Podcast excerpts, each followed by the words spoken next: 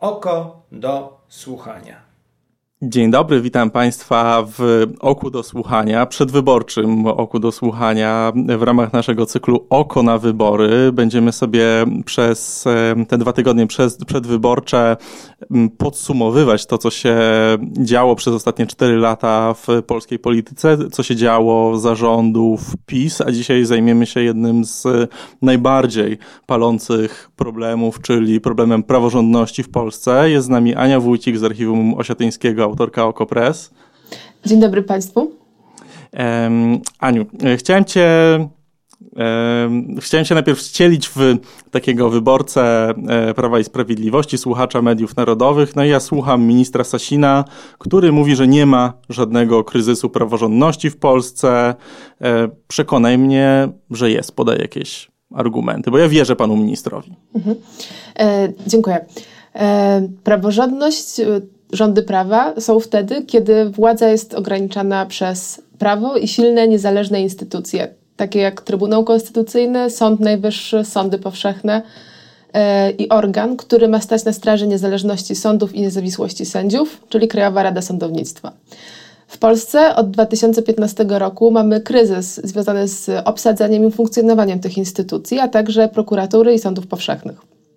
I to oznacza, że taki bardzo skomplikowany aparat całościowy, który został zapisany w naszej konstytucji z 1997 roku, żeby e, po prostu mówić władzę sprawdzam, został osłabiony i podporządkowany politykom na niespotykaną dotychczas po 1989 roku w Polsce skalę. Ten aparat to nie było tak, że spotkało się na dwie godziny parę osób, stwierdziło, dobra, to będzie taki aparat, tylko to był e, to, skomplikowany mechanizm. To jest po prostu e, taka cała struktura, która e, została wprowadzona do Polski, czerpiąc z polskich tradycji konstytucyjnej, ale także z tradycji konstytucyjnych innych państw Europy. E, w Polsce wprowadzono Trybunał Konstytucyjny, który świętowałby 32. E, rocznicę swojego istnienia, no ale od 2015 roku ten niezależny sąd konstytucyjny już tak nie działa. Trybunał Konstytucyjny ma być właśnie tym najważniejszym sąd, e, sądem, trybunałem, który sprawdza, czy prawo stanowione przez władzę polityczną jest e, zgodne z ustawą zasadniczą. Czy teraz e, nie wierzymy tym instytucjom, nie wierzymy w dział, skuteczne działanie tego mechanizmu? E, zdecydowanie tak, co pokazują wyniki badań sondażowych. W ostatnim badaniu przeprowadzonym przez CEBOS dobrze pracy Trybunału Konstytucyjnego oceniło zaledwie dwadzieścia kilka procent ankietowanych. To oznacza, że, że do opinii publicznej, e, do obywateli i obywatelek dostają się jednak te informacje i bardzo dobrze o tym, że Trybunał działa dużo gorzej po 2017 roku niż było to wcześniej. Czyli nawet wyborcy PiSu mogą stwierdzać, że to nie jest dobre działanie, że to nie idzie w dobrą stronę. Na czym wyborca, PiSu może tutaj stracić? Dlaczego dla niego to jest zagrożenie? Że on się zgadza z rządami Zjednoczonej Prawicy, on się cieszy, że Jarosław Kaczyński ma duży wpływ na polską politykę, że Zbigniew Ziobro jest jednocześnie prokuratorem, bo on się weźmie wreszcie z tych bandytów e, i tak dalej. Wyborca może powiedzieć, władzę sprawdzam tylko raz na cztery lata w przypadku głosowania w wyborach parlamentarnych i raz na pięć lat w przypadku głosowania w wyborach prezydenckich. A sądy i trybunały mają mówić tej władzy sprawdzam cały czas i mają także bronić e, obywatela na linii obywatel-państwo, kiedy interesy obywateli są, e, są zagrożone. Dobrym przykładem jest e, ostatnia skarga e, do Europejskiego Trybunału Praw Człowieka w Strasburgu którą złożył e, producent trawy e, w rolkach, e, firma Xeroflor. Ta firma złożyła do Trybunału Konstytucyjnego skargę konstytucyjną i ta skarga została odrzucona przez Trybunał Konstytucyjny w składzie orzekającym, w którym zasiadał Mariusz Muszyński, czyli osoba nieuprawniona do orzekania w Trybunale Konstytucyjnym. I teraz ten producent trawy twierdzi, że y, została y, przez, przez to, że to pan Muszyński orzekał w tym składzie, zostało naruszone jego prawo do sądu, które jest chronione przez artykuł 6 Europejskiej Konwencji Praw Człowieka. Więc po wyczerpaniu ścieżki krajowej mógł złożyć skargę do Strasburga i ta skarga została przyjęta, co jest dużym sukcesem, dlatego że do trybunałów wpływają naprawdę tysiące skarg i tylko 5% będzie Więc prawdopodobnie za kilkanaście miesięcy poznamy wyrok. Bo to jest ta słynna zagranica, która uwzięła się na Polskę i, i, i zdrajcy, którzy chcą prać swoje brudy na zewnątrz, jakich krytykowy, krytykuje um, obecna władza. Um, w ogóle um, kryzys w sądownictwie to jest pole, którym skonfliktowaliśmy się z zagranicą chyba w największym stopniu obok e, ustawy o IPN, z której zresztą PiS się wycofał. Po co PiS sobie naważył tego piwa? E, czy to, było, czy to jest tak ważne dla utrzymania rządów Zjednoczonej Prawicy, żeby e, ta kontrola nad sądownictwem była, czy można było tego nie ruszać, a byłoby mniej więcej tak samo? Mhm. E, tutaj możemy posłużyć się przykładem porównawczym z Węgier, gdzie również Viktor Orban doprowadził do tego, że sądownictwo zostało podporządkowane, ale zrobił to w mądrzejszy spo sposób. No, dysponował też większością konstytucyjną, która pozwoliła mu na zmianę węgierskiej ustawy zasadniczej, ale następnie przeszedł do bardzo y, takich systematycznych działań, którymi y, większość rządząca w Polsce wydaje się była inspirowana. To znaczy doprowadził do usunięcia e, prezesów sądów, doprowadził do tego, że w, występuje teraz na Węgrzech też w obrębie sądownictwa klientelizm. To znaczy niektórym sędziom prokuratorom opłaca się po prostu bardziej, ponieważ dostają wyższe wynagrodzenia. Spełnienie niektórych funkcji, co jest też e, bardzo niebezpieczne. Prokuratorzy zarabiają teraz o kilkadziesiąt procent więcej na Węgrzech niż e, sędziowie na podobnym e, etapie swojej kariery. I e, Orban był w stanie to zrobić, e, jednak w zgodzie z konstytucją, bo, e, mm, no bo po prostu mógł, mógł zmienić ustawę zasadniczą. Natomiast w Polsce władza motywowana hmm, no nie jestem w stanie powiedzieć, co dokładnie motywowało władzę, mamy tylko takie teorie, więc to, mm, to będzie moja osobista ocena, czy moje, zgady, moje zgadywanie. Bardzo zależało jej również na wymianie elit, na wymianie e, mm, elit zarówno w administracji państwowej, jak i w sądownictwie. No i ten proces postanowili zrobić za wszelką cenę. E, natomiast okazało się, że to nie jest tak, że społeczeństwo obywatelskie w Polsce tego nie zauważy. I to wysiłki w dużej mierze społeczeństwa obywatelskiego e, i polskich mediów niezależnych, które informowały organy właściwie nie zagraniczne, bo organy unijne to nie są organy zagraniczne, to są nasze organy, do, których możemy się zwracać, kiedy e, obawiamy się, że coś e, w naszym kraju jest nie tak, więc to jest w naszym interesie. E, I to właśnie działalność tak naprawdę polskiego społeczeństwa obywatelskiego, obrońców praworządności, e, prawników, e, aktywistów, aktywistek doprowadziła do tego, że to zainteresowanie sprawami praworządności w Polsce jest wciąż podsycane. Mieliśmy już dwie skargi które złożyła Komisja Europejska do Europejskiego Trybunału e, Sprawiedliwości, do Trybunału Sprawiedliwości Unii Europejskiej e, w Luksemburgu. Teraz e, oczekujemy na trzecią skargę. Te dwie wcześniejsze były na przepisy ustawy o Sądzie Najwyższym i przepisy ustawy, e, ustawy o sądach powszechnych. E, teraz czekamy, aż komisja Jean-Claude Junckera, który kończy swoją kadencję 1 listopada, e, podejmie ten ostatni wielki krok e, i doprowadzi do tego, że trzecia skarga będzie rodzajem jej testamentu, takim podkreśleniem e, kilkuletniej walki Komisji Junckera, w tym komisarza Timmermansa, o praworządność w państwach członkowskich Unii Europejskiej i że zdecydują się jednak na zaskarżenie Polski do TSUE za system dyscyplinowania sędziów. To jest interesujące, co powiedziałaś o tym, że właśnie cały czas e, pierzemy te brudy w domu, że większość Polaków czuje się Polakami i Europejczykami i większość z nas, znakomita większość popiera nasze, e, naszą przynależność do Unii, więc no to całe zwracanie się do instytucji unijnych, to jak sobie to wyobrażam, to tak kiedy mieszkasz w Warszawie i masz problem z warszawskim urzędem, to jednak zgłaszasz się do ogólnopolskiego sądu. Czy to jest e, trafne porównanie, czy dobrze to sobie wyobrażam? Można powiedzieć, że tak. To jest jednak taka zawsze, takie zawsze odwoływanie się do kolejnej instancji. W Polsce tak naprawdę my powinniśmy się odwoływać. E, po pierwsze, nie powinniśmy mieć takich problemów, bo to nie jest normalna sytuacja, kiedy musimy wykonywać taki aktywizm obywatelski, kiedy też sędziowie muszą e, bronić swojego podstawowego prawa, czyli do tego, żeby móc niezależnie, niezależnie niezawiśle orzekać. Więc e, ten wielki wysiłek, który jest teraz wkładany, również wielki wysiłek taki strategiczny, koncepcyjny, to jest coś, czym my się w ogóle nie powinniśmy zajmować. Powinniśmy mieć inne problemy. Walczyć z nierównością, ze zmianami klimatu. Naprawdę jest wiele wyzwań. Transformacja energetyczna Polski, e, lepsza polityka społeczna. O tym będziemy mogli zdecydować w wyborach. I czy myślisz, że sprawa praworządności może zaważyć e, właśnie na decyzjach Polaków? Czy to jest na tyle, na tyle silny problem, żeby mógł e, przełamać e, te pozytywne zmiany, które wielu Polakom w życiu wprowadziło Prawo i Sprawiedliwość?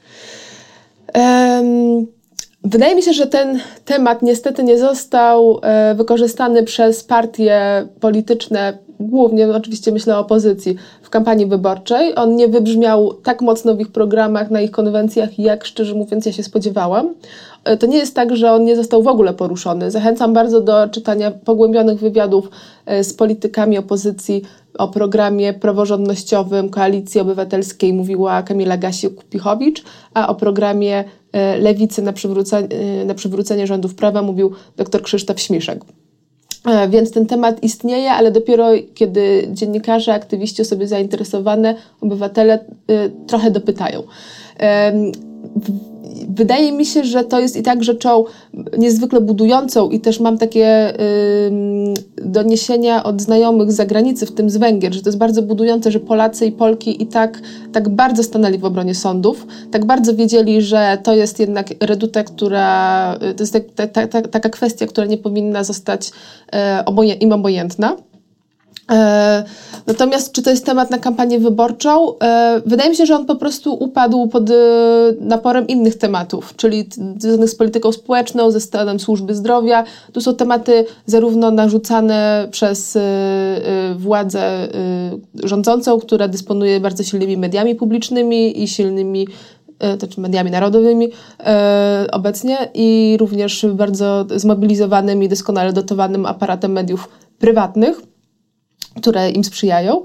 E, a z drugiej strony no, opozycja próbowała y, zaproponować swoje, swoje tematy, na przykład kryzys w ochronie zdrowia i one przykryły ten, te sprawy praworządnościowe. Ale ja nie uważam, że w ogóle to, jakimi tematami zajmujemy się w kampanii wyborczej ma jakiekolwiek e, odniesienie do tego, czym się przejmujemy my jako obywatele i obywatelki. Mamy teraz e, przed nami w zasadzie różne warianty, ale dwóch scenariuszy, czyli albo PiS wygrywa, albo PiS przegrywa. Jak to będzie, jakie będą konsekwencje tego dla rządów prawa? Czy da się odwrócić e, ten proces z ostatnich czterech lat, czy da się go jeszcze bardziej scementować?